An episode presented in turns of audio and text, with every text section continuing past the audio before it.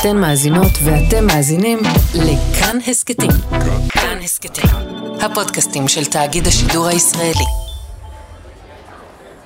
יום שני, 22 בדצמבר 1986, שכונת שייח' ג'ראח בירושלים. חנויות מכולת ומלונות זולים, ערב רב של תושבים מקומיים ונציגי מדינות זרות. בלב השכונה, עוד מימי הירדנים, ניצב בניין בית המשפט המחוזי בירושלים. עמודי שיש ואבן ירוקה ותבליט מתכת של מאזני צדק. ניידת משטרה, זינזנה בלשון העצורים, קופסת פח על גלגלים, מתקרבת לשער הרכבים של בית המשפט. צלמי חדשות רבים חוסמים את דרכה והניידת מאטה. שוטרים במדים מביטים משועממים בהמולה, אדם היושב לצד חלון הרכב רוכן קדימה. הוא מצמיד את כף ידו לחלון, אף אחד סביבו לא מבחין במתרחש. כמה שעות לאחר מכן הטלפון בלשכת הצנזור הצבאי מצלצל. חיילת משועממת מרימה את הטלפון, פניה מבוהלות לרגע, והיא מעבירה את השיחה למשרדו של הצנזור. מעבר לדלת נשמע קול המום וכועס. קצין במדים מורה בקול רם למנהלת לשכתו להשיג דחוף את סוכנות זום 77. הוא סוגר את הדלת. מבעד לדלת חוזרות המילים אסור לפרסם. כמה שעות לאחר מכן מתפרסם בעיתון ה-Evening Standard הלונדוני צילום שערורייתי של הצלם דניאל לנדאו העוקף את צו הצנזורה הישראלית. בצילום נראית כף ידו של אדם בתוך ניידת משטרה ועליה כיתוב בעת שחורה. ואנונו M was hijacked in Rome, Italy, 30 September 86, 2100. Came to Rome by fly BA 504. המשפט הזה והאיש שכתב אותו יהפכו לגיבורי אחת הפרשות הטעונות בתולדות המשפט הישראלי. היי, אני עורך הדין אורון שוורץ, ובפרק זה של ההסכת משפט חוזר, נספר את סיפורו של מרגל האטום מרדכי ואנונו. האם ואנונו אכן היה מרגל? והאם כיום, במבט לאחור, כשמה שכונה מדיניות העמימות הגרעינית של ישראל, שהיא כבר נראית מיושנת, נאיבית משהו, וכשפרסומים זרים כבר שטחו לא מעט מסודותיה בגיליונות עיתונים ובמדיה הדיגיטלית, אולי באמת הגיע הזמן לערוך לפרשת ואנונו משפט חוזר. ואנונו, הוא הגיע ממרוקו, ממשפחה עמידה שהייתה במרוקו. זהו עורך הדין אביגדור פלדמן. משפחתו הייתה בטוחה שהם מגיעים לתנאים מצוינים, אמרו להם למשל, תיקחו את הפריג'ידר, תיקחו רהיטים טובים, כי יש פה מקום ואתם תוכלו לחיות פה חיים טובים. לפועל הוא הגיע, לקחו אותם במשאית וזרקו אותם ליד באר שבע במין צריף קטן, ועד סוף ימיו הוא יזכור את המקרר, עומד בחוץ, הולך ומחליד בגשם, כי אי אפשר היה להכניס אותו בדלת. יום אחד ב-1976, כשהוא בן 22, הוא רואה מודעה בעיתון. דרושים עובדים. כשהוא מתקבל, הוא מגלה שהעבודה היא בכור האטומי בדימונה. כל אחד יכול לבוא ולהתחיל לעבוד בכור האטומי, המקום הכי סודי במדינת ישראל, והוא עובד כטכנאי, כתפקיד מאוד uh, פשוט. הוא אחראי על שלב בייצור, הוא צריך לבדוק ולדעת כמה זמן צריך להכניס חומר מסוים לתוך נוזל מסוים ולהוציא אותו. זה העבודה שלו, עבודה משעממת לאללה. אבל אז משהו קורה לוואנונו. ביוני 1982 פורצת מלחמת שלום הגליל. ואנונו שלומד בינתיים פילוסופיה באוניברסיטת בן גוריון בבאר שבע, מתחיל בפעילות פוליטית, גלויה. הוא מתראיין לעיתון סטודנטים ומביע את עמדותיו שמערערות על המוסכמות הפוליטיות של הזמנים ההם. הוא רוצה שלום עולמי. גורמי הביטחון שמקבלים את המידע על פעילותו מתחילים לדאוג. הם קוראים לו לשיחת ברור. בשיחה, ואנונו מוסר כי הוא מביע את עמדותיו כפי שניתן לעשות בכל דמוקרטיה. הוא מוזהר שהוא מתחכך באנשים מסוכנים, וכי אסור לו לצאת כנגד ההתחייבות עליה חתם בקבלתו לעבודה, לשמור על סודיות מוחלטת בקשר לעבודתו.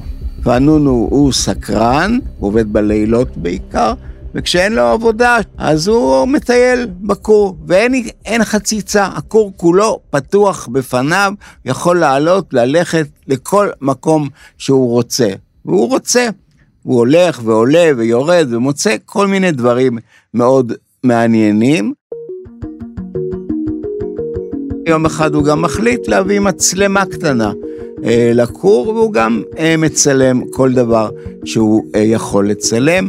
אף אחד לא יודע שהוא עושה את זה, אף אחד לא רואה, אין שם לא מצלמות מעקב, לא שומרים, לא כלום. הכור הכי סודי במדינת ישראל פרוץ, והוא עושה שם מה שהוא רוצה.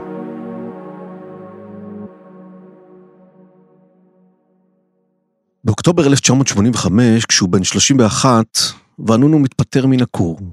הוא נוסע לחו"ל, מוכר את דירתו ואת מכוניתו, ונראה כמי שלא רוצה עוד קשר עם עברו וסביבתו. הוא מעביר 40 אלף דולר לאחיו שחי בארצות הברית, משאיר לעצמו 4,000 דולר, ונוסע לתאילנד. שם, במנזר בתאילנד, הוא מתוודע לעקרונות הבודהיזם. אבל בד בבד עם הניתוק וההסתגפות, ואנונו לא מסוגל לשבת בשקט, הוא מחליט לפעול. הוא יוצר קשר עם אנשי תקשורת ורוצה לחשוף בפני העולם את מה שהוא יודע שישראל מחזיקה במרתף. הוא נוסע לאוסטרליה. באוסטרליה הוא היה ממש מסכן ובודד. לבד. זהו החוקר, הסופר וחבר הכנסת לשעבר, הפרופסור מיכאל בר זוהר. הוא התגורר באיזשהו חדר, באחד הרובעים היותר מוזנחים של סידני, ויום אחד הוא ראה שם כנסייה. והוא נכנס לכנסייה ואמר להם, אני רוצה להתנצר. התנצר, קיבל את השם ג'ון קרוסמן, והתחיל להופיע באופן קבוע בכינוסים. עכשיו, החברים שהיו, הקהל שהיה בא לכנסייה הזאת, לא היה בדיוק מהחברה הגבוהה. זה היו כל מיני באמת חלקאים ונתקעים, אנשים מסכנים, קשי יום, והוא השתלב בתוכם. עכשיו כשוואנונו כבר לא מרגיש ישראלי וגם לא יהודי, הוא מרגיש שהוא יכול לספר את הסיפור שלו.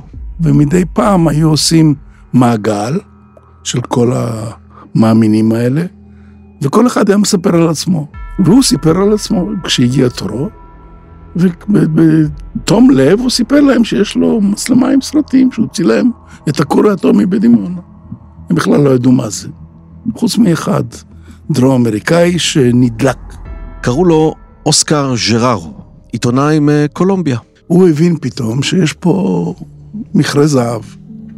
אמר לו, בוא, בוא נביא את התמונות לעיתון בסידני, עיתון גדול, נקבל כסף.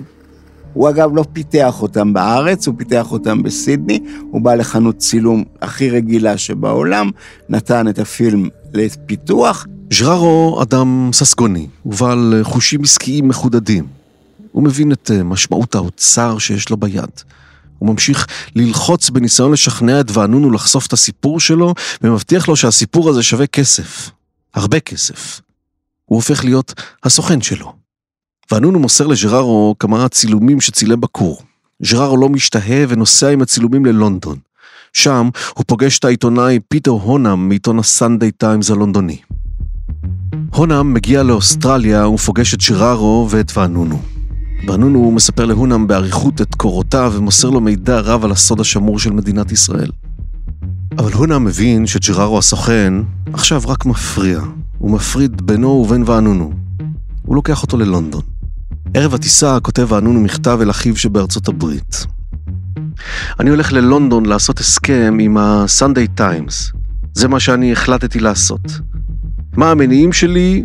בעיקרם פוליטיים. למרות שאני עזבתי את הארץ ולא רוצה להיות מעורב, אני חוזר למעורבות. אני מרגיש שחובתי לפרסם. חשבתי הרבה על הצעד הזה, וזה נראה מחויב המציאות. זהו הרגע שהמידע לגבי ואנונו מתחיל להיאסף בקרב גופי הביטחון והמודיעין. מי שמוסרים את המידע הם שני עיתונאים ישראלים, עמי דורון ואלי טייכר. שני העיתונאים מקבלים במקרה פנייה מאנשי הסנדיי טיימס.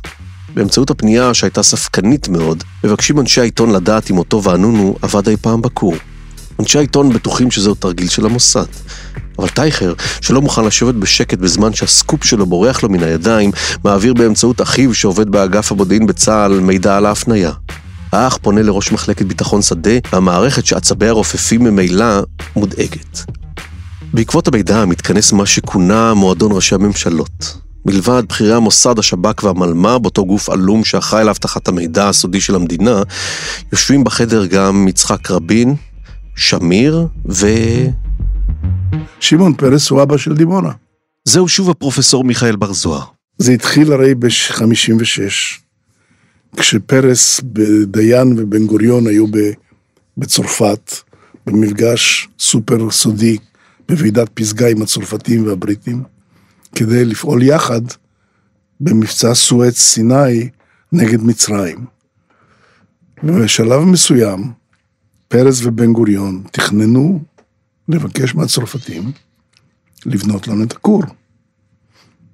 ופרס ניגש לצרפתים ואמר להם, תראו, אנחנו למעשה מסכנים את עצמנו, ומשום כך אנחנו נהיה במטרה לשנאה שלא תיפסק מכל העולם המוסלמי. אז אנחנו צריכים כוח הרתעה. נחזור ללונדון של שנת 1986. בשלב הזה ואנונו אדם מאוד מתוסכל ואפילו כועס. ואנונו פוגש עתה את אנשי הסנדיי טיימס, אבל הם אה, חשדנים, חשדנים מאוד. הם חייבים לברר את ערכו של המידע, והם מזמנים לפגישה מומחה לטכנולוגיית גרעין, פרנק ברנבי. ואנונו מציג להם תצלומים ומספר להם את מה שהוא יודע. ומספר ומסביר ומראה להם את התמונות, כי הוא אין לו את הידע המדעי, הטכני, לדעת בעצם מה נעשה שם, כמה נעשה שם, ופרנק ברנבי הוא זה שבעצם מפענח את המידע. ברנבי משתכנע שהמידע אמיתי. האנגלים, במחווה ג'נטלמנית של אתיקה עיתונאית, פונים לשגרירות ישראל בלונדון, לקבל תגובה. מדינת ישראל הנבוכה נאלצת לאשר כי ואנונו אכן היה עובד של קמ"ג. העיתון לא מבטיח לשלם לוואנונו כסף, אבל מבטיח לסייע לו בפרסום ספר שיכתוב בעזרתם. כאן מתחילה תקופת המתנה מורטת עצבים בעבור ואנונו. הוא מוסר את המידע וכלום לא קורה. מסתובב בלונדון, שואל פעם אחרי פעם את פיטר, נו, מה קורה, מה קורה? פיטר אומר עוד מהססים. והוא מסתובב בלונדון. פיטר הונם אמר לי כמה פעמים, הסנדיי טיימס לא שם לו שמירה, לא מלווה, לא דואג לו, שום דבר. הכתבה עדיין לא התפרסמה, אבל בינתיים בישראל מפלס הדאגה הופך לנהר של פאניקה. בעקבות כינוס מועדון ראשי הממשלות מתחיל ומתגבש מבצע המתכנה מבצע קניוק. נשקלות אופציות שונות, ביניהן האופציה לחסל את ואנונו, אבל אישור לכך לא ניתן. ההחלטה שנופלת היא שיש להביא את ואנונו לישראל, ומוטב מהר. בינתיים, ז'רר, הבחור הקולומביאני מהכנסייה בסידני, זעם על המחטף שעשה לו פיטר הונם, והדליף את הסיפור לעיתון המתחרה, הסנדיי מירו. אנשי המירו מבינים שהמתחרים עומדים לצאת עם הסיפור, וטוענים שהסיפור של הטיימס הוא ברווז עיתונאי, פעולת הטעיה, תעמולה, תוצרת המוסד ומדינת ישראל. הם משלמים לג'ראו 5,000 דולר ומפרסמים את תמונתו ואת סיפורו לכאורה של ואנונו, תוך שהם לועגים לסנדיי טיימס. ואנונו המתוסכל דוחק עכשיו בסנדיי טיימס לצאת עם הסיפור שלו בגדול, אבל אלה שביטחונם התערער גוררים רגליים. עדיין לא בטוחים שהסיפור הזה באמת שווה את הנייר שעליו הוא מודפס. הסנדיי טיימס שחושש, אבל כנראה לא חושש מספיק, מעביר את ואנונו למלונות שונים בעיר, אבל זה כבר מאוחר מדי. הצוות הישראלי גובש למעשה די בבהילות. זהו שוב הפרופסור בר זוהר. כי כששמעו על זה שוונונו הולך עם התמונות, אמרו, מהר, לגלות ולעצור את כל הסיפור הזה. זה הסוד הכי כמוס של מדינת ישראל. הצוות שגובש החל לעקוב אחר ואנונו, אבל בשיטה מתוחכמת שהמוסד כינה שיטת מעקב קדמי. כלומר, אתה לא עוקב אחרי היעד שלך, אחרי האובייקט, אלא אתה שולח אנשים קדימה, פחות או יותר למקום, לכיוון, שאתה חושב שהוא ילך. ואז היתרון בזה זה שהוא רואה שהוא לא, לא עוקבים אחריו, והוא חופשי, והוא מגיע למקום, ושם כבר מחכים לו למעשה העוקבים. אנשי העיתון מחדדים באוזניו את האזהרה להישמר מזרים שמנסים ליצור עמו קשרים חברתיים. אבל ואנונו הבודד והעצבני כבר לא שם לב לאזהרות. הוא הולך בדיוק לאן שעוקבי המוסד העריכו שילך. וראו שהוא הולך לכיוון הלייסטר סקוויר, ושלחו לשם מספר אנשים. והוא הגיע, ועמד לאיזה קיוסק עיתונים, וראה שם איזה בחורה, שמאוד מצא חן בעיניו. והוא הסתכל עליה, והיא הסתכלה גם, והוא חייך אליה, והיא חייכה לו בחזרה. הוא לא ידע את זה, אבל הבחורה הזו הייתה אשת המוסד שריל חנין בן טוב, שכונתה סינדי. והוא התחיל ללכת, ננסה. חזר ופנה אליה, והיא ענתה לו בחיוך, והתחיל לדבר איתה, והיא סיפרה לו שהיא קוסמטיקאית מלונדון, הזמין אותה לכוס קפה. נכנסו לשתות כוס קפה, אז הוא אמר לה, תגידי, את לא מהמוסד? אז היא אומרת לו, what is מוסד? כן, ממש. ומה שמך? אז הוא אמר, וואלה, ג'ורג'. זה היה השם שבו הוא נרשם במלון. אמרה לו, כמובן, אתה לא ג'ורג'. ואז בהדרגה הוא התחיל לחשוף את הסיפור שלו לפניה, ולא הרפא ממנה. והם שתו והם הלכו, והוא החזיק אותה ביד, כל היום הם בילו יחד. ובערב, כשהיא חזרה למידת המבטחים, היא סיפרה למפקדים שלה. פלאי פלאים, תשמע, זה ממש פריצת דרך. הם לא יודעים איך להגיע אליו, ועכשיו תמשיכי ללכת איתו, אבל הוא רוצה לנשק, תתנשקי איתו. תתמזמז איתי, תתמזמזי איתו. והיא בניגוד, ל, הייתי אומר, לתחושותיה, מתוך תחושת גועל, כמו שהיא אמרה אחר כך, עשתה את מה שאמרו לה. הלכה איתו יום-יום, הם הלכו להצגה של music, לאיזה musical ל-42nd Street, והלכו לסרט, נדמה שזה היה עד עם הריסון פורד, היא אפילו סחבה אותו למוזיאום, ולא נפרדו, והוא כל ערב היה אומר, בואי נעלה אלייך, היא אומרת, לא, אני חיה במלון עם עוד בחורה, זה אי אפשר, ואתה במתח, אי אפשר, אני רוצה לשכב איתך, היא אומרת, אני מבינה אותך, אבל אתה כל הזמן במתח כזה, זה לא יהיה טוב. והמשיכה בניגוד לרצונה. בינתיים בישראל, עם היוודע מקום הימצאו של ואנונו, מורה שמעון פרס, ראש ממשלת הרוטציה עם יצחק שמיר, שאסור לפגוע או לחטוף את ואנונו על אדמת בריטניה. ראש ממשלת אנגליה הייתה מרגרט תאצ'ר, גברת הברזל, ששמעון, שמעון פרס פחד ממנה פחד מוות. ההחלטה במטה המוסד היא לגרום לבנון לצאת מבריטניה למדינה אחרת, כזו שתייצר פחות כאבי ראש לראשי המדינה אם פעולת חטיפה תתרחש בשטחה. והיא אומרת לו, תשמע, יש לי אחות שיש לה דירה ברומא, בוא ניסע לרומא, מה אכפת לך? פה נאורה, לא שמים עליך. בסנדי טיימס לא ידעו שהוא רוצה לנסוע לרומא, אבל ידעו שהוא מתעסק איתה והזהירו אותו, אותו מפני קשרים כאלה, והזהירו אותו שלא לעזוב את לונדון, בשום פנים ואופן. לא לעזוב את לונדון. אבל וענון הוא מאוהב, הוא לא מקשיב לאזהרות. אז השניים טסים ומגיעים לדירתה של סינדי.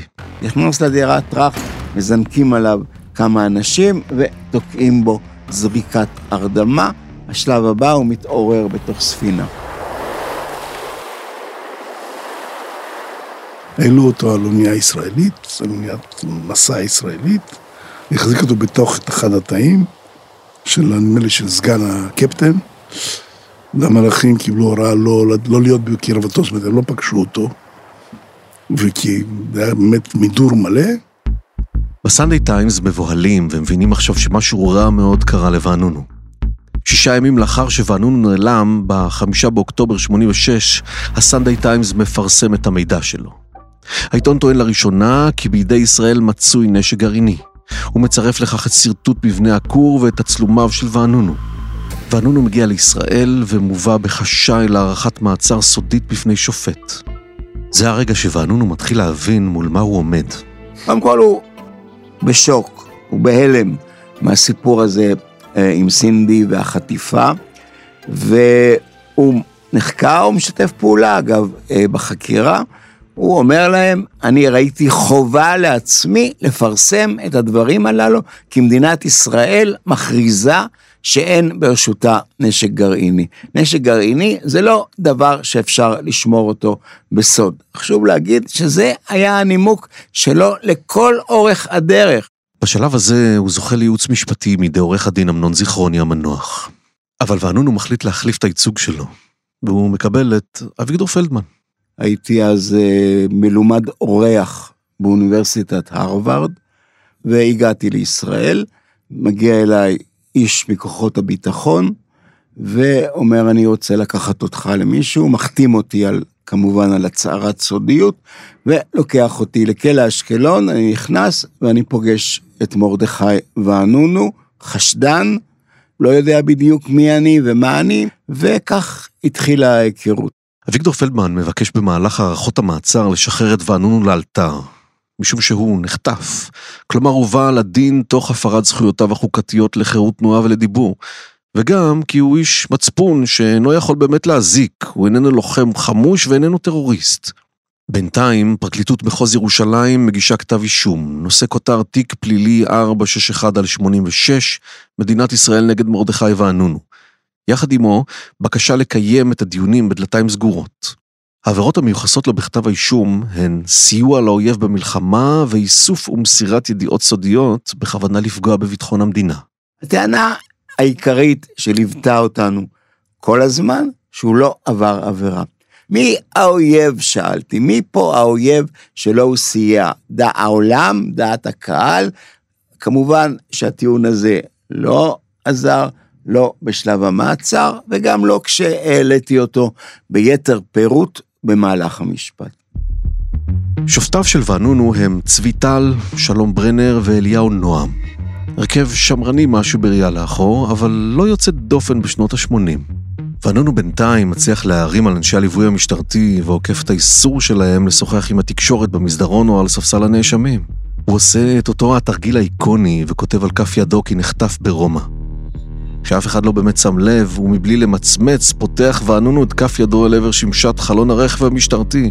אנשי המשטרה ששומרים על גבו של ואנונו לא דמיינו את מה שוואנונו עומד לעשות להם מתחת לאפם.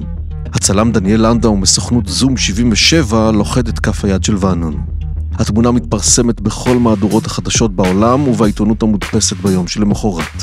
עם פתיחת משפטו של ואנונו, אנשי המשטרה לא רצו שוואנונו אפילו יצעק את דבר חטיפתו כשיפגוש עיתונאים במסדרון, אז הם החלו לאטום את פיו. בהמשך נהגו להעלות אותו הישר לאולם בית המשפט מגרם מדרגות חיצוני כשהוא חובש קסדת אופנוע אטומה. הוא מוכנס דרך איזה דלת חיצונית. הוא, כשהוא נכנס לאולם נשמעות אזעקות כדי שלא, לא יוכל לדבר. הסתירו, העלימו אותו, למרות שאין שום סיבה, לא הייתה שום סיבה שלא לגלות את הזהות שלו, או לא לאפשר לעיתונאים גם לסקר את המשפט. רובו של המשפט לא היה בו שום דבר שהוא אסור לפרסום, ולכן כל הדרמה הזו שיצרו סביב האנונו הייתה מיותרת, ילדותית, טיפשית. קו ההגנה הופך לדיון בסוגיה עקרונית. האם ישראל היא מדינה בעלת חופש ביטוי, והאם פציפיזם הוא ביטוי לגיטימי? אם כן, ואנונו לא יכול להיות בוגד, ובוודאי שגם לא מרגל. אבל מה לגבי טענת החטיפה? הרי ואנונו הגיע לישראל תוך פגיעה בחירותו כשהיה על אדמה זרה.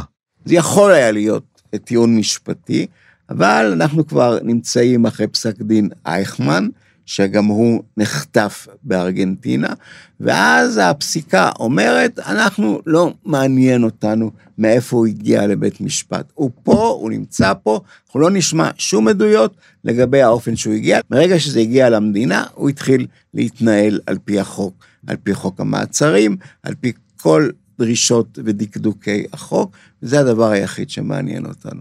כך שעניין החטיפה לא עלה במשפט, מה שזה לא רלוונטי. אגב, זמן רב אסור היה לדבר על החטיפה. אחד הסודות הבודדים שנשארו ממשפט ואנונו, זה שהוא נחטף באיטליה.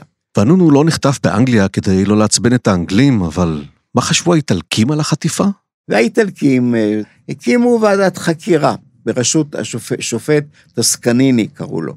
ושהגיע למסקנה שוואנונו הוא סוכן ישראלי, שישראל היא זו בעצם שיזמה את כל המהלך הזה. כי אומר טוסקניני, במידה רבה של שכנוע, אני לא מאמין שאיש כזה עבד בכור, איש עם, ה, עם הקשרים שלו, לא מהימן, ושלא ידעו מה הוא עושה, ושלא בדקו אם אין לו ביציאה מצלמה או תמונות. ישראל מדינה מסודרת, אה, מדינה רצינית, לכן הוא אומר, אני הגעתי למסקנה שהוא אה, היה סוכן. בינתיים בישראל מתברר שאין ויכוח על רוב העובדות. השאלות הן בעיקר עקרוניות, פילוסופיות משהו. מאתגרות את המתח שבין דמוקרטיה וחופש ביטוי, ובין מצפון ולבין מדינה אשר לפי פרסומים זרים אוחזת בנשק אטומי במרתף. משפטו של ואנונו נותר חסוי עד היום. וכל שאנו יודעים עליו, ואינו אסור לפרסום, הוא החלטות, פרוטוקולים ופסקי דין, אשר חלקים רבים מהם עדיין מצונזרים. הפרקליטות, כמוצאת שלל רב, מנופפת באמצעות עדיה, אנשי החקירות ואנשי שירות הביטחון הכללי, במסמך התחייבותו של ואנונו לסודיות תחת חוק הסודות הרשמיים. על מסמך זה חתם ואנונו לפחות ארבע פעמים גם ממש טרם עזיבתו את קמ"ג. כאן נבקש לפתוח סוגריים. משפטו של ואנונו עומד לחתור תחת מה שכונה נוסחת העמימות הגרעינית.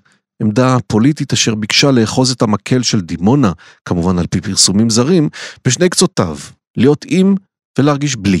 הנוסחה דווחה לממשלה בישיבתה ביום 30 באפריל 1963. זהו הדוקטור גדי ורשה, חוקר מדיניות החוץ של ישראל מאוניברסיטת חיפה, ומי שעבודת הדוקטורט שלו עוסקת בהתפתחות משבר הגרעין בין ישראל לארצות הברית בשנות ה-60. סגן שר הביטחון שמעון פרס מוזמן לישיבה על ידי ראש הממשלה בן גוריון, על מנת לדווח על פגישתו עם הנשיא קנדי בתחילת אותו חודש בבית הלבן, פגישה שלא תוכננה מראש. במהלכה שואל אותו קנדי שאלות על מדיניות הגרעין הישראלית. אומר פרס לממשלה, הנשיא אמר שהוא מלווה בעניין רב כל הגילויים של התפתחות אטומית באזור. והוא ביקש לדעת מה יש לנו להגיד על פיתוח היכולת הגרעינית בישראל. השיבותי לו שעד כמה שאני יודע, אין ישראל הולכת לייצר נשק אטומי, ודאי לא תכניס הראשונה נשק אטומי לאזור. זוהי למעשה נוסחת העמימות שמלווה אותנו מאז ועד היום. הנשיא, הנשיא קנדי לא הגיב לאמירה הזו של פרס, וישראל ניסתה לתלות בזה מדיניות. כלומר, אמרנו את הנוסחה, הנשיא שמע, לא הגיב, הווה אומר, מקבל. אבל זה לא בדיוק מה שקרה. חודשים אחר כך, בחודשים מאי ויוני, הגיעו שתי אגרות מאיימות ובוטות לראש הממשלה בן גוריון מהנשיא קנדי, שבו הוא מאיים על ישראל בהערכה מחדש של היחסים עם ארצות הברית, בפגיעה ביחסים עם ארצות הברית, בפגיעה בביטחונה של ישראל, וזה במידה וישראל לא תפתח את דימונה לביקורים ולא תחשוף בפני ארצות הברית מה קורה במתחם שליד באר שבע. אבל ישראל לא הגיבה, ומאז היא למעשה לא חברה רשמית במועדון הגרעין, אבל כן מצליחה לשמור על כוח הרתעה מול אויבינו, כלומר נהנית מהעמימות. עתה, באמצעות משפטו של ואנונו, נוסחת העמימות עומדת בסכנה. שכן ההגנה נוקטת בקו מאתגר הרבה יותר, קו שחושף את הסודות שוואנונו ביקש להוציא, ותוהה אודות הלגיטימיות של עצם החזקת נשק כזה ומידת הפיקוח עליו. קו כזה עשוי להוציא לרחובות עשרות אלפי תומכים ברחבי העולם וייצור מבוכה רבתי למדינה ועומדים בראשה. עמדה כזו מפי מדינות העולם עשויה להושיב באותה עגלה את ישראל עם מדינות בלתי אחראיות, עם איראן, עם פקיסטן, עם צפון קוריאה, אלה שהעולם קורא לפרקן בנשקן הגרעיני. כאן יש לפתוח סוגריים גדולים נוספים. העבירות בהן מואשם ואנונו אוחזות במה שמכונה יסוד נפשי מיוחד. כלומר, בכדי להטיל בוואנונו אחריות משפטית ולהרשיע אותו, צריך להוכיח כי הייתה לו כוונה לפגוע בביטחון המדינה. הוויכוח המאתגר הוא כיצד פציפיסט אידיאולוגי, כלומר אדם שסובר שטובת המדינה היא פירוק אוטופי של נשק להשמדה המונית, האם אדם כזה פוגע במדינה? זהו קושי משפטי. התביעה מתחילה באמצעות האנשים שהכירו אותו ברשויות הביטחון השונות לפרוס ולנתח את מבנה אישיותו והכל בכדי לנסות ולעמוד על שאלת מיליון הדולר. האם ביקש בכוח מבנה אישיותו לפגוע בביטחון המדינה? טענת המדינה פותחת וטוענת ראשית ל... א', אישיותו. הנאשם הוא אדם מופנם, אגוצנטרי ובודד. מבנהו הנפשי מורכב ומסובך, וממהלך חייו מסתבר כי הוא לא מצא את מקומו בחברה הישראלית ובמדינה. ב.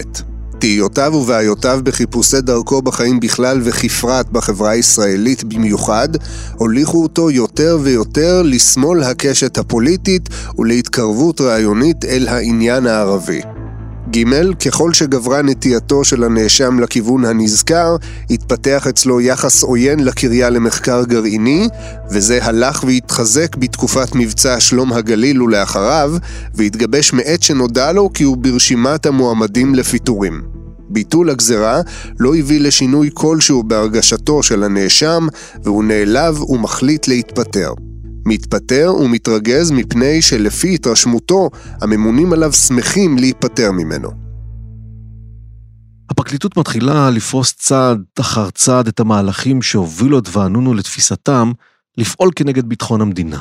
הפסקת עבודתו בקמ"ג וההליכים המעליבים שקדמו לה, וביסודם השיחות והבירורים שקיימו אנשי הביטחון עמו, כתוצאה מגילוי נטיותיו השמאלניות, חיזקו בליבו של הנאשם את ההחלטה, אליה באה כבר בתחילת 1985, להינתק כליל מן המדינה ומכל הקשור אליה, ולפתוח בחיים חדשים בארץ אחרת. את זאת הם מציגים באמצעות מסמך דף 40, ועוררו בו את הרצון להתנקם בכל אלה אשר גרמו לו את הרעה הזו.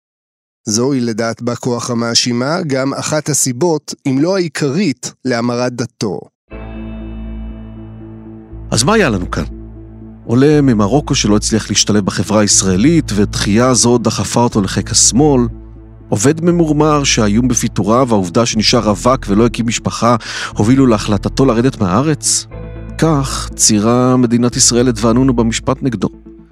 ואולם, כל אלה לא מספיקים, ויש צורך בניתוח מעמיק יותר של אישיותו, בכדי לתהות מדוע אדם עם רקע כשלו עשה מעשה שלתפיסת המדינה הינו מעשה זדוני ואינו מעשה מצפוני כלל.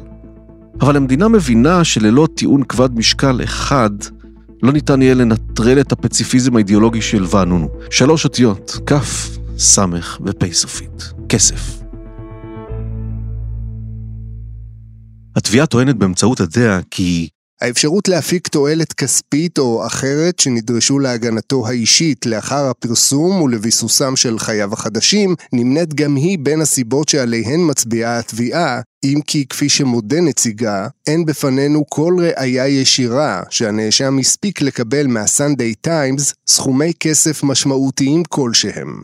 ברגע שזה יתברר לו, הוא גם, הוא גם התפאר בפני סינדי.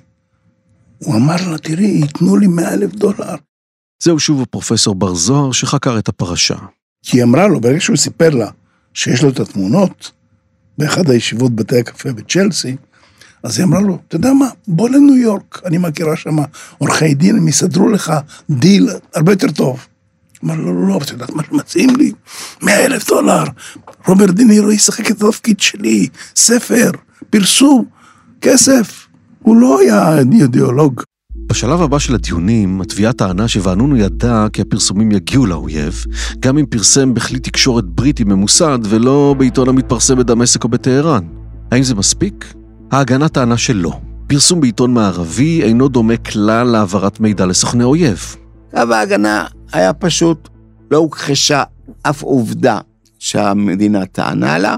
הטענה העיקרית הייתה שלא מדובר בגילוי סוד, לא במובן המעשי או המשפטי פורמלי של המילה סוד, אלא מדינת ישראל שחיה בתרבות אה, מערבית, לא יכולה בלי לקבל ייפוי כוח מאזרחיה לפתח נשק גרעיני. ויותר מזה, על פי גרסתו של וענונו, היה לישראל כבר אז, שנות ה-80, פיתחה ארסנל אה, גרעיני מדהים. זאת אומרת, וענונו, ואני אומר בשמו ומתרגם את זה משפטית, הזכות הדמוקרטית היא שהציבור ישתתף בהכרעה האם להחזיק בנשק גרעיני, כמה להחזיק, איך להשתמש בו, כלום.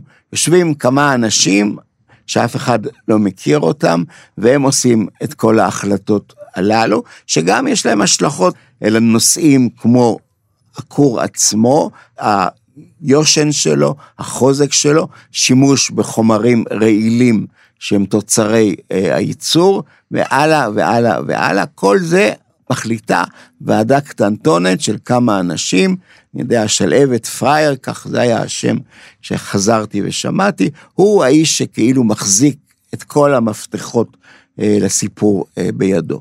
פרשת התביעה מסתיימת.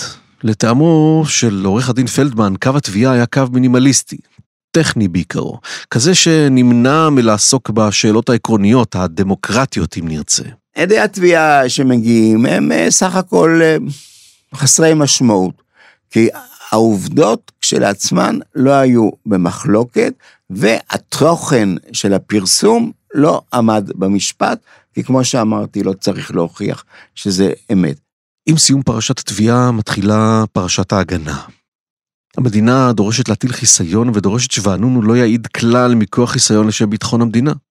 אביגדור מגיש בקשה להסרת חיסיון. וענונו לבסוף מעיד. הוא מסביר שלא הייתה לו כוונה, שכל העניין הזה היה במקרה, תוך כדי באמת הסיורים אה, בכור אה, הגרעיני. הוא מסביר את כל תלאותיו עם ג'רארו והשאר, וחוזר ואומר, אני חשבתי שצריך לפרסם את הדברים הללו. העדות שלו לדעתי הייתה בסדר גמור, הוא יודע לדבר, יודע להתבטא, אבל השופטים אה, כמובן לא שמעו מילה אחת. ולאחר עדותו הראשית, עומד כעת וענון לחקירה נגדית תוקפנית. המילים כסף וגט כריתות מן העם היהודי עולות באופן נחרץ שוב ושוב. התביעה לא מוותרת.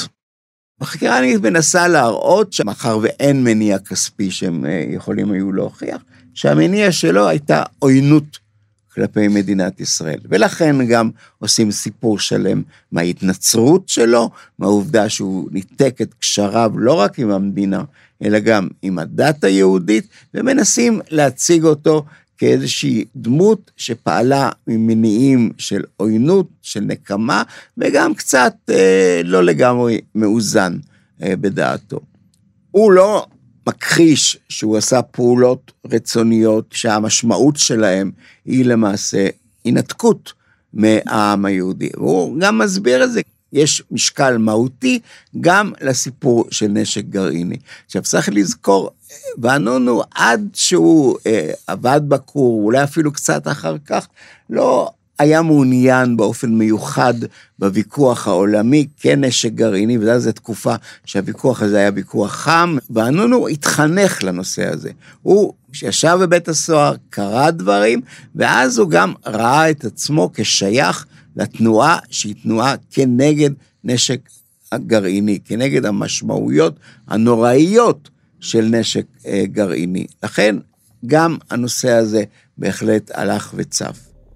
וכאן, טוויסט בלתי צפוי בעלילה. שמעון פרס, האבא של הכור, עומד לקבל את הבמה, אבל באופן בלתי צפוי. פרס מזומן בידי לא אחר מאשר הנאשם עצמו, להעיד להגנתו של וענונו, ויחד עמו אייקון ציוני אחר, אבא אבן. התביעה לרגע יוצאת מאיפוס, להביא את פרס ואבא אבן להעיד לטובת וענונו? הרי ואנונו ביקש לחבל במה שעשוי לחשב למפעל החיים של הגוורדיה המייסדת של המדינה. למה את שניהם? לא כל כך בהקשר של אין סודות, אלא כדי להצביע על האופן שבו ייצור או שימוש בנשק גרעיני הוא כולו מפוקח על ידי קבוצה קטנטנה של אנשים. אבא אבן היה אז יושב ראש הוועדה לחוץ וביטחון, ושהיא הקימה תת ועדה של תת ועדה של כמה אנשים בודדים, התביעה עומדת על הרגליים האחוריות ודורשת את מניעת עדויותיהם של השניים. שכן, זהו בית משפט, ובבית משפט צריך לענות על שאלות. ואילו עד שנות ה-80 מעולם לא נוצרה הזדמנות לאלץ את אנשי הממסד הביטחוני לענות על שאלות שנוגעות לעניינים הכמוסים ביותר של המדינה. בית המשפט מתלבט. זה לפתוח עבור וענונו את הצוהר לקודש הקודשים של הביטחון הישראלי. השופטים צבי טל, שלום ברנר ואליהו נועם נחלקים בדעתם, לבסוף מוחלט בדעת רוב להתיר את עדות שני אנשי הממסד. גם השופט יותר אה, שמרן, ברנר וטל הם כאלה יותר כאלה נועזים, מעוניינים, זה גם מרתק אותם, אה, המשפט, והם אה, מסכימים. הייתי מוכן להיות זבוב על הקיר ביום שבו פרס מגיע לבית המשפט, ופלדמן עומד להסביר לו כי הוא עומד להעיד לטובת הבוגד במרכאות. לראשונה בבית המשפט אה, בירושלים, מביאים אותו, הוא לגמרי לגמרי לא מבין מה רוצים ממנו, ההרגשה שלי שהוא מההתחלה עד הסוף היה בהלם. וכך מדיניות הגרעין של ישראל עמדה על דוכן העדים. שאלתי למשל, אם אני זוכר נכון את שמעון פרס, טוב, כל, רוב המדינות שמתחילות בשלב מסוים לשחק עם נשק גרעיני, ההתחלה היא סודית, אבל לאט לאט מתחילים לפתוח יותר ויותר, עד לשלב מסוים שפותחים, ואז גם מגיעה האמנה לאי הפצת נשק גרעיני, שמחייבת מדינות פתיחות בנושא הזה. וישראל הצליחה עד היום להתחמק מכל מנגנוני הפיקוח וההגבלה שקיימים בעולם בנושא הזה, עם שיתוף פעולה של ארצות הברית בשלב מסוים, ועד היום הזה בעצם ישראל לא שייכת למשטר אי הפצת נשק גרעיני. סיכומי התביעה וההגנה נשמעים בתיק. המדינה אוחזת בקו שמרני, רזה. סוד הוא סוד, וגילויו בכל דרך יביא את הסוד לידי האויב. ההגנה לעומתה מבקשת לתת משמעות לסעיף 94 לחוק העונשין. בסעיף זה נקבעה ההגנה הגורסת אין רואים מעשה כעבירה לפי פרק זה, אם משתמעת מתוכו כוונה בתום לב, או אם נעשה בתום לב מתוך כוונה להביא בדרכים שאינן פסולות לפי דין, לידי שינוי בסדרי המדינה ובפעולות רשות מרשויותיה, או בסדרי מדינת חוץ, או בפעולות רשות מרשויותיה, או בסדרי מוסד או ארגון של מדינות או בפעולותיהם. ב-28 למרץ 1988 מכריע בית המשפט המחוזי בירושלים את דינו של ואנונו. בית המשפט לא קיבל את טענות ההגנה ובחר להרשיע אותו. חלקים מעטים מהכרעת הדין התפרסמו, וזאת מכוח החלטת בית המשפט העליון בערעור שיגיש ואנונו. חלקים נרחבים נותרו חסויים עד היום. טענתו של ואנונו כי לא מסר סודות לאויב אלא פרסם בכלי תקשורת מערבי, לא עמדה לצידו. וכך נכתב בהכרעה. פרסום בעיתון נפוץ כזה, כפי שהנאשם גרם לו, מעיד עליו כמאה עדים שהוא התכוון להביא את כל המידע שליקט, אסף ופרסם לידיעת כל אויבי ישראל לסוגיהם, ולסייע להם גם מבלי ליצור מגע ישיר עם מי מהם, ולהסתכן בכל הכרוך בכך. כך נדחתה בהכרעת הדין גם טענת ואנונו כי מה שפרסם איננו סוד, אלא היה עניין גלוי שפורסם גם בעבר. ומכאן הייתה קצרה גם הדרך שלא לקבל את הטענה כי ואנונו פעל בתום לב, שעה שאחז לטענתו במניע אידיאולוגי. כמוזכר ביקש הסניגור לשלול את הפליליות ממעשיו של המערער, מאחר שהונעו על ידי שיקולים אידיאולוגיים. על כך משיב בית המשפט כי בחברה דמוקרטית אדם רשאי להפיץ דעות, אך לא ידיעות סודיות, אותן ליקט שלא כדין. זאת ועוד מי שיש לו מספר מניעים, חלקם חוקיים וחלקם אסורים, די בפליליות אשר באחד מהם כדי לשמש עילה להאשמתו, ואין נפקא מינה מה היה המניע הדומיננטי. לבסוף, נשללת גם טענת כוונתו תמת הלב הלגיטימית של ואנונו מכוח אותה הגנה בחוק העונשין. בית המשפט סבר כי המערער לא פעל בתום לב. מכל אמירותיו של המערער ואף מעדותו לפני בית המשפט, עלה בבירור כי המערער ידע גם ידע שמעשיו אסורים על פי החוק, אך לא נרתע מלעשותם. ובית המשפט סיכם וקבע. ביטחון המדינה נפגע אפוא בכוונת מכוון. לבסוף חודדה שאלת המניע האידיאולוגי, כשהשופט צבי טל קבע השקפת העולם שגיבש הנאשם לעצמו בעת פעילותו בקמפוס בבאר שבע. הנאשם הציב עצמו בקצה השמאלי האחרון של הקשת הפוליטית, מתוך נקמה, מתוך גט כריתות ומתוך מצווה לפרסם. ואם אגב קיום מצווה זו אפשר להרוויח כסף, מה טוב ומה נעים. ואילו דעת הרוב בבית המשפט קבעה. ההסברים האידיאולוגיים באו להסיר מעליו תווית של מרגל או של בוגד. הניסיון להבין את המניעים צריך לכלול התייחסות לרצונו להצטרף למפלגת חד"ש, לאחר מכן רצונו להתנתק מן המדינה ולא לשוב אליה. ביומנו האישי לא נמצאו תימוכין להצגת מניעיו של המערער כעולים מדחף אידיאולוגי חזק כביכול. היה גם תפקיד בלתי מבוטל לרצון בפרסום עצמי ולהיבט הכספי. ולסיכום נקודה זו מכנה בית המשפט את מניעיו של ואנונו כסות אידיאולוגית אופנתית שאין בה כל ממש. לאחר הכרעת הדין נשמעו הטיעונים לעונש. המדינה עמדה על 20 שנות מאסר, ההגנה נאלצה לחפש כל מוצא אפשרי. הטיעון לעונש עוסק באמת בו, במשפחה שלו, ושוב חוזר על הטענה שאומנם הרשעתם, אבל אי אפשר א', להראות שאכן נגרם נזק, כי לא הובאה שום ראייה שנגרם נזק. שניים, האדם הזה לא רצה בנזק, הוא רצה במשהו אחר. העונש שמושת על ואנונו הוא עונש כבד, 18 שנות מאסר. גם הערעור שהגיש לבית המשפט העליון נדחה. ואנונו שהופך אותה מעצור עד תום ההליכים לאסיר, מתחיל לרצות את תקופת מאסרו שנמנית מיום חטיפתו ומעצרו בשנת 86. הוא יושב בבידוד בכלא אשקלון בשם בדוי. הסוהרים לכאורה לא יודעים במי מדובר, אבל הם כן יודעים, ואני מתחיל להיות מודאג.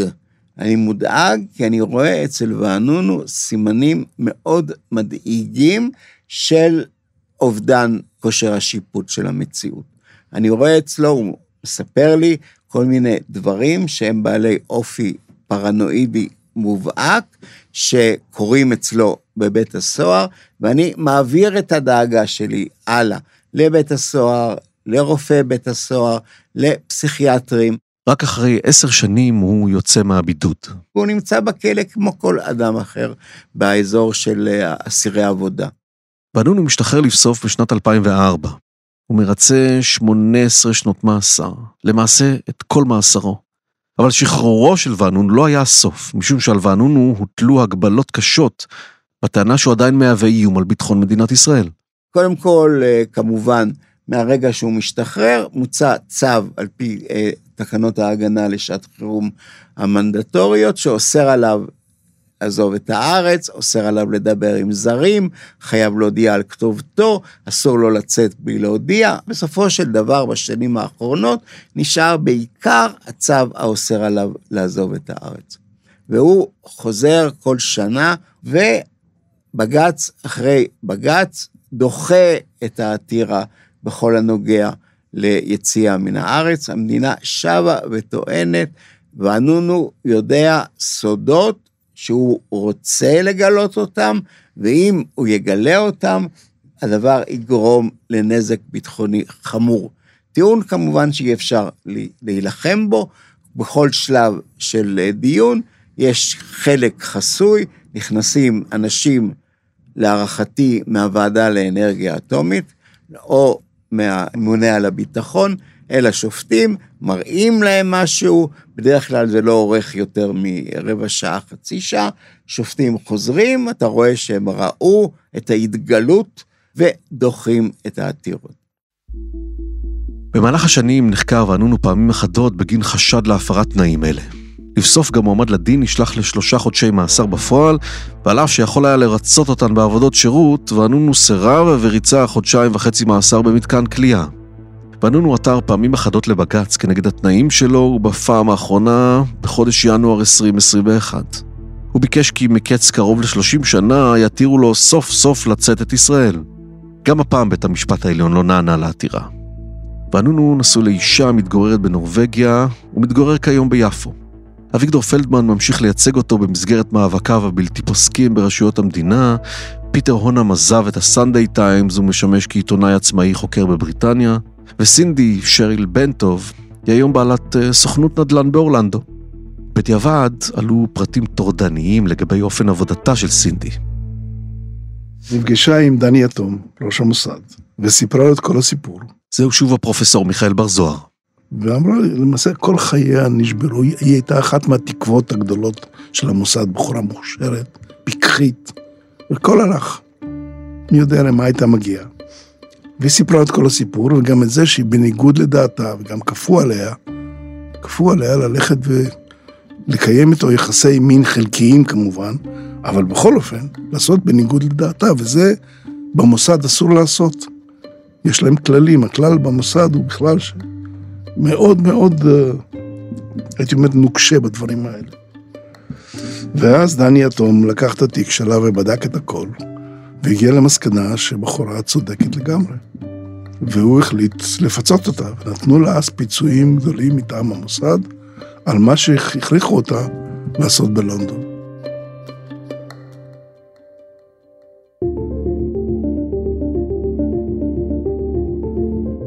חלפו קרוב לארבעה עשורים מאז פרשת וענונו. האם הכרעת דינו וגזר דינו של וענונו היו שונים לו היה הדיון מתנהל היום? לו היה מתנהל במדינה אירופית, בארצות הברית? כנראה שהתשובה היא שלילית. מאז התפוצצו לא מעט פרשות של מדליפי מידע רגיש ממרקוס קלינברג שריגל לטובת ברית המועצות, דרך פרשת ויקיליקס שבארצות הברית, ועד לפרשת ענת קם, כאן אצלנו, שמסרה לכתב הארץ אורי בלאו קבצי מחשב סודיים של פיקוד המרכז בצה"ל ונשפטה לשלוש וחצי שנות מאסר, עד שבית המשפט העליון קיצר את עונשה. השופטת עדנה ארבל כתבה כי המוטיבציה של קאם הייתה להביא לידיעת הציבור בעייתיות וליקויים בהתנהלות הצבא, כפי שהיא תפסה זאת בנקודת מבטה. ייתכן וכמוה ואנונו היה זוכה ליחס סלחני יותר היום, במדינה שכבר איננה לגמרי אי בודד במרחב עוין. אבל סביר להניח שהיום, כשאין עוד עיתונות מודפסת בשליטת המדינה, כשהגבולות במרחב הווירטואלי פתוחים, והמונח על פי פרסומים זרים מעלה לפעמים גיחוך, פרשה כמו של ואנונו אולי עדיין הייתה מסתיימת במאסר, אבל בוודאי מעוררת הרבה פחות פאניקה בקרב הממסד, ואולי גם לא הייתה שולחת אותו לשני עשורים בכלא.